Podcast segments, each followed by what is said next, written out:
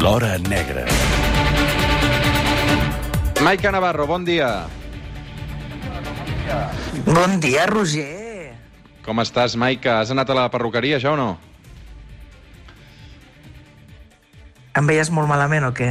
Bueno, una mica, una mica. Crec que tenim una mica de, de delay. Uh, Maica, intentarem um, solucionar-ho de seguida, uh, perquè, evidentment, um, les connexions aquests dies són les que són uh, i tothom ha d'entendre que continuem fent el programa des de casa, amb els col·laboradors des de casa, i, per tant, um, jo quan et saludo tenim una mica de, de diferència. Um, com va anar l'experiència de tornar a la perruqueria, Maica? Com va anar l'experiència... De... Ara sí, ara sí. Ara sí crec que t'he recuperat. Em sents, eh, Maica? Sí, et sento, perfectament. Molt bé. Dic, com va anar l'experiència de tornar a la perruqueria? Doncs mira, el proper dia t'agafaré de la mà i, te- i et portaré directament perquè crec que et fa falta. La meva Sí. perruqueria està a la cantonada de Catalunya Ràdio. Ah. És a dir, si et gires amb la butaca des del, des del vidre, allà al carrer Mestre Nicolau, veus el Hair Time. O sigui que un dia t'agafaré de la maneta i et portaré, perquè jo crec que hi ha hora que, que el Juanma i el Fran et facin un canvi d'estil. Uh, sí. Crec que ho necessites. Massa sí, clàssic. Sí. Massa ho crec clàssic. sincerament. Massa clàssic, doncs. Uh, sí, sí, jo crec que necessites un tom. Mira, Sí? a més a més, eh, ho vaig, mira, saps com ho vaig... Em vaig, ho vaig pen- pensava ahir nit. Em vaig connectar a Netflix, ahir van estrenar una sèrie, Valèria. Ahà. Em vaig tragar dos, els dos primers capítols, allò de, Sí. del tirón, eh? Ahà. I vaig pensar, ostres, crec que el, el Roger eh, necessita un tall de cabell. No sé per què vaig fer la simulació d'idees, però el proper dia eh, demanem cita, perquè s'ha de fer amb cita prèvia, Ah, sí? i entre el Juanma i el Frank et facin un canvi d'estil. Mira, ara que parles de Valèria... Necessitem més llum i color, necessites tu. T'ha agradat o no? Sí, sí, sí, sí. Vaig veure els dos, els dos primers, eh? Eh, No sé, quan, no sé quants capítols n'hi ha a la primera temporada, no sé quants. Saps Mira, quants de, n'hi ha? de, demà al suplement, a partir de la una del migdia, entrevistarem dos dels protagonistes, la Diana Gómez i el Max Iglesias. Ostres, és que clar, jo la Diana tengo els ulls i la veig ballant a la Casa de Paper. No, no, no puc remediar-ho. Bueno, a poc a poc, a poc a poc. Escolta'm, Ja. uh, Maica Navarro... Tartamudeges? Veig que tartamudeges? No, no, deu ser el teu Ah, vale, delay, vale, vale, deu, ser, deu ser el teu Ah, vale, aparell. vale, vale, vale. Deu ser el reporter, Vale, sí. vale. Um, Segur, escolta'm, segur. aquesta setmana Digue'm. el Suprem ha Sí. confirmat les tres penes de presó permanent revisable per l'assassí de Pioz. Um, de seguida sabrem qui és aquest home, però abans uh, repassem els detalls d'un cas que um, és escabrós i que uh, ens situa en aquesta població de Piós, uh, un poble de 3.700 habitants de la província de Guadalajara. Podem dir que, uh, d'entrada, un, un poble molt tranquil, marcat, però, uh, per aquesta tragèdia, eh? És molt important, de totes maneres, deixen que puntualitzi que aquesta sentència del Suprem, perquè és la primera vegada a l'estat espanyol que un condemnat té més d'una condemna de presó permanent revisable, eh, confirmada, i això és el que, el que, li ha, el que, ha fet el Suprem aquesta setmana amb el- amb el- amb l'assassí, amb el Patri Nogueira. Com deies, és un poble molt, molt petit, a 50 quilòmetres de, de la capital. En el seu moment es va crear com, un, com una ciutat residencial amb, amb els anys del boom immobiliari, però al final amb la crisi es va quedar com a mig construir i al final es va convertir en una mena de- de- d'urbe de, de residencial en el que molta de la gent que, havia, que no trobava vivenda a la capital, doncs el que feia era, amb un preu bastant assequible, viure en aquesta, en aquesta zona i anar i baixar a treballar cada dia a la capital. Mm. Al setembre del 2016, uns veïns alerten que hi ha una casa que fa molta pudor. Què passa?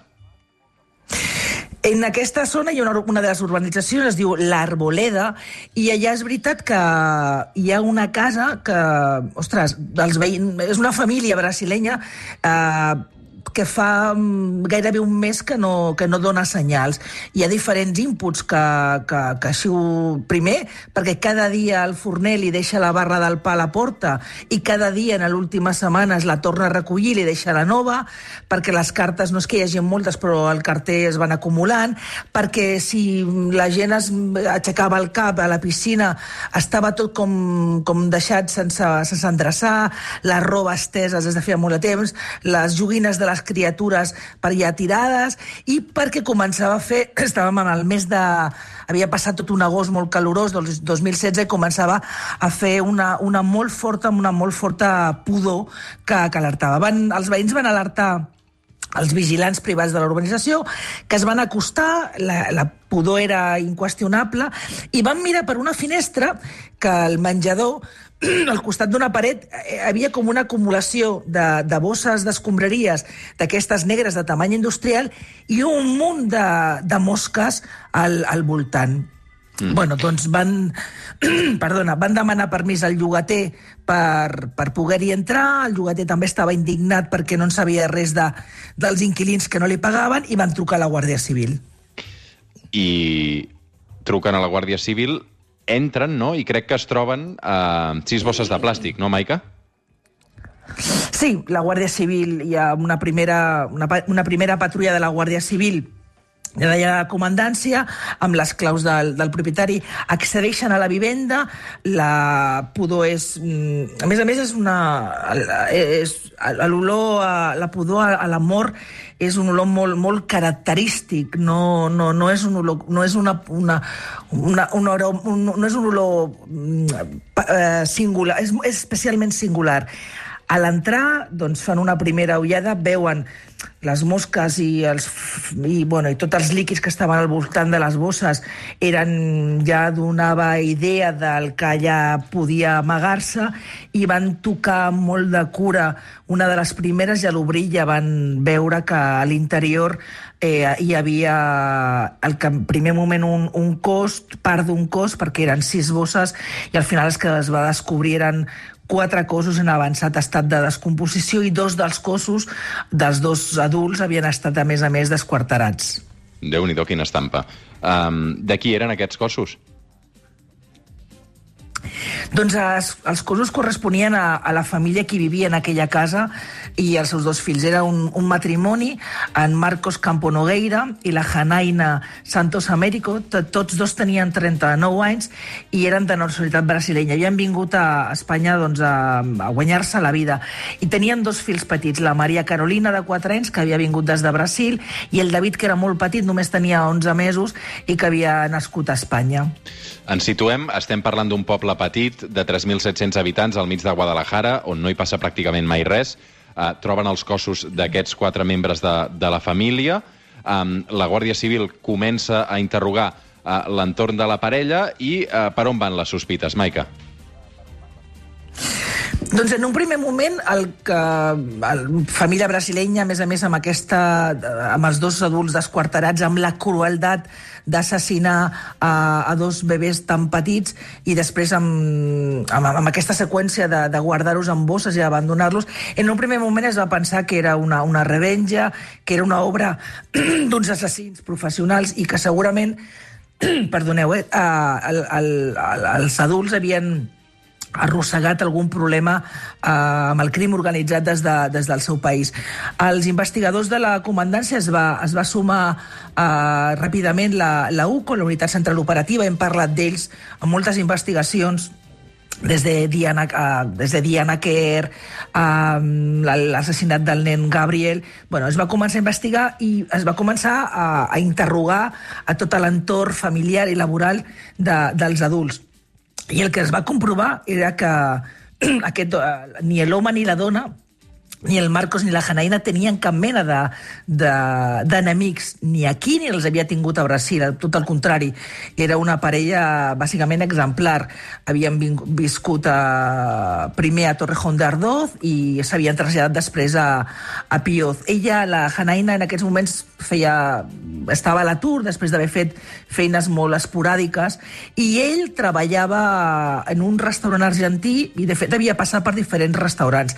La Guàrdia Civil va interrogar-se eh, amb els últims companys de feina del Marcos i sí que van veure que l'únic moment on l'únic punt que ressaltaven aquests aquests, aquests testimonis, a, a les seves declaracions, era que l'única cosa que havia pertorbat o preocupat el, el Marcos era la presència de, del seu nebot. És a dir, ell tenia un nebot que havia vingut des de, des de Brasil per intentar jugar a futbol aquí a Espanya, perquè volia ser futbolista professional.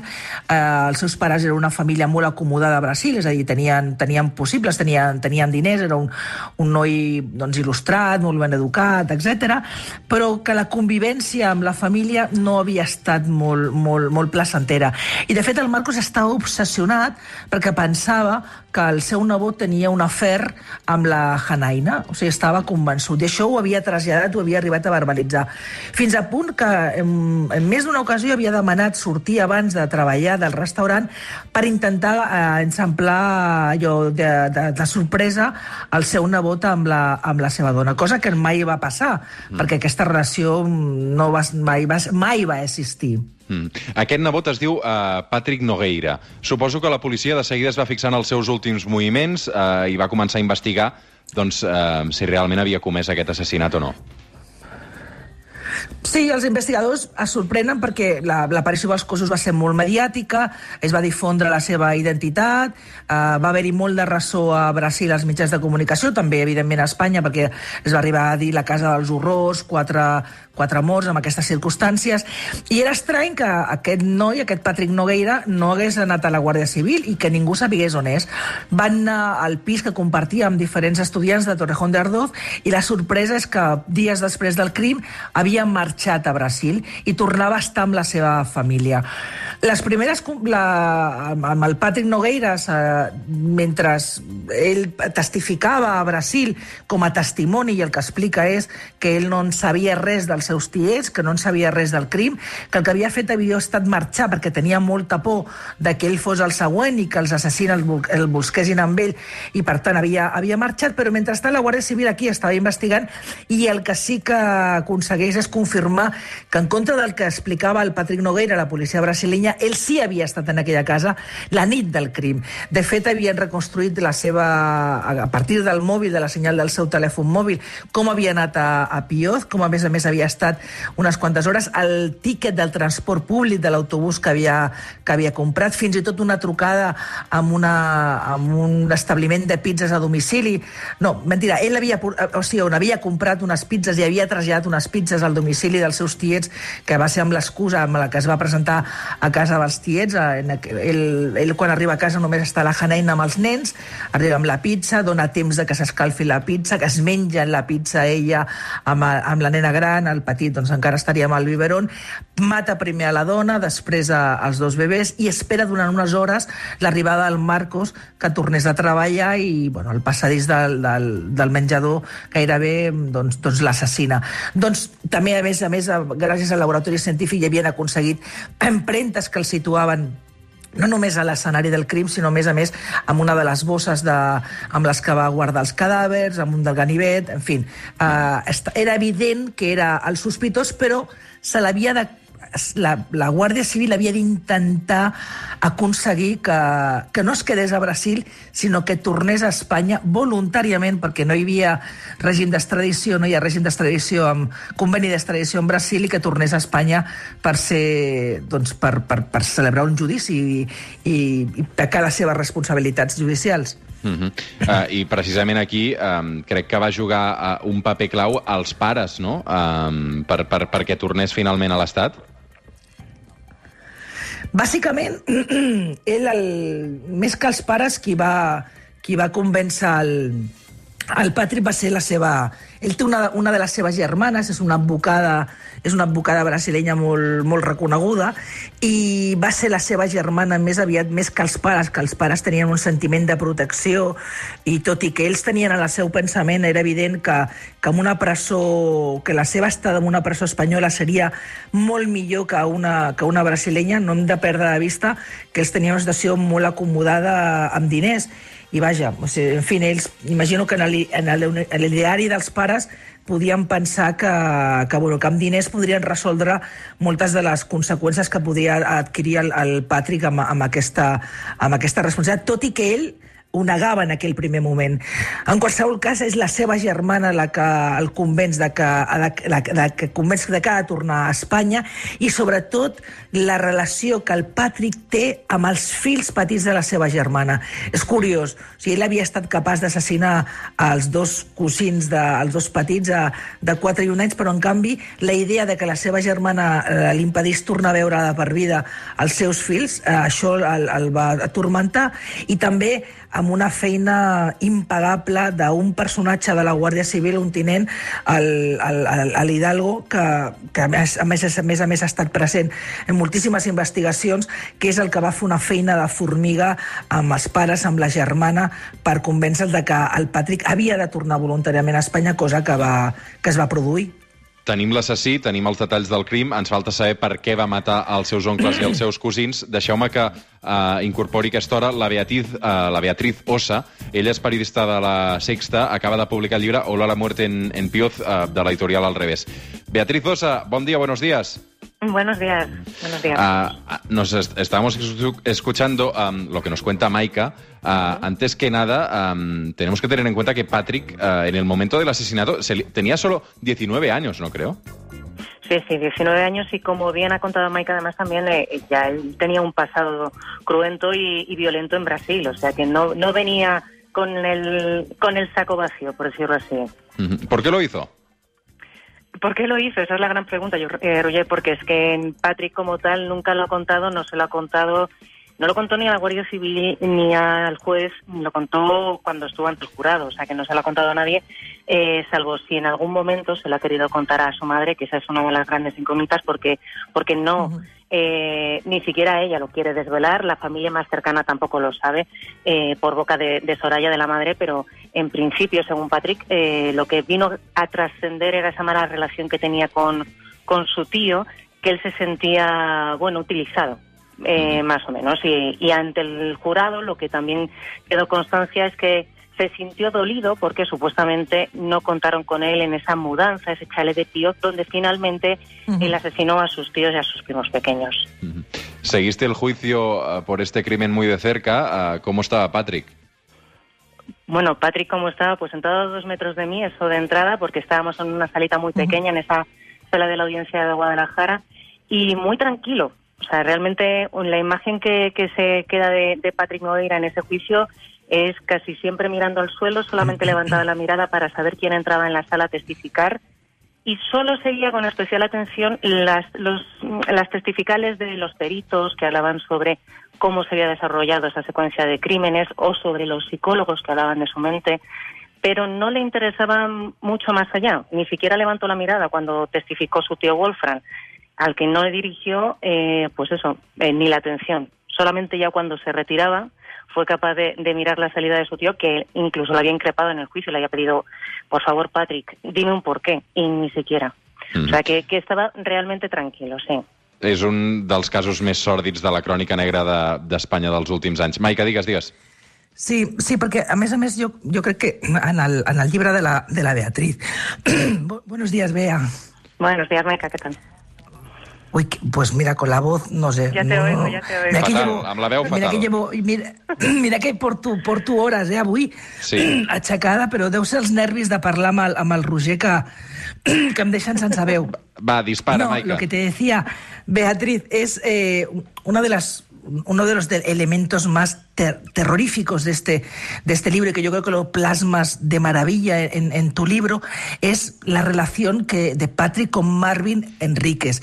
Es decir, durante todo el proceso, durante toda esa noche terrible, eh, pensen que... Eh, fue Patrick fue retransmitiendo vía mensajes, WhatsApps, imágenes a su compañero Marvin en Brasil todo lo que estaba haciendo, casi como el que, además, con, contando además las, las sensaciones casi placenteras de, del placer que le, que le provocaba eh, el matar, aunque después acabó reconociendo, diciendo en un momento dado que se lo imaginaba como más, más excitante. Esas cartas, Beatriz, que tú has leído, las cartas, los mensajes, las, las, imágenes bestiales en las que él se fotografía con los cuerpos, eso es terrorífico, es, es, el, es la maldad personificada. Absolutamente, o sea, ten en cuenta que se llama el chat del horror, o sea, esa correspondencia que tienen vía WhatsApp, ¿no?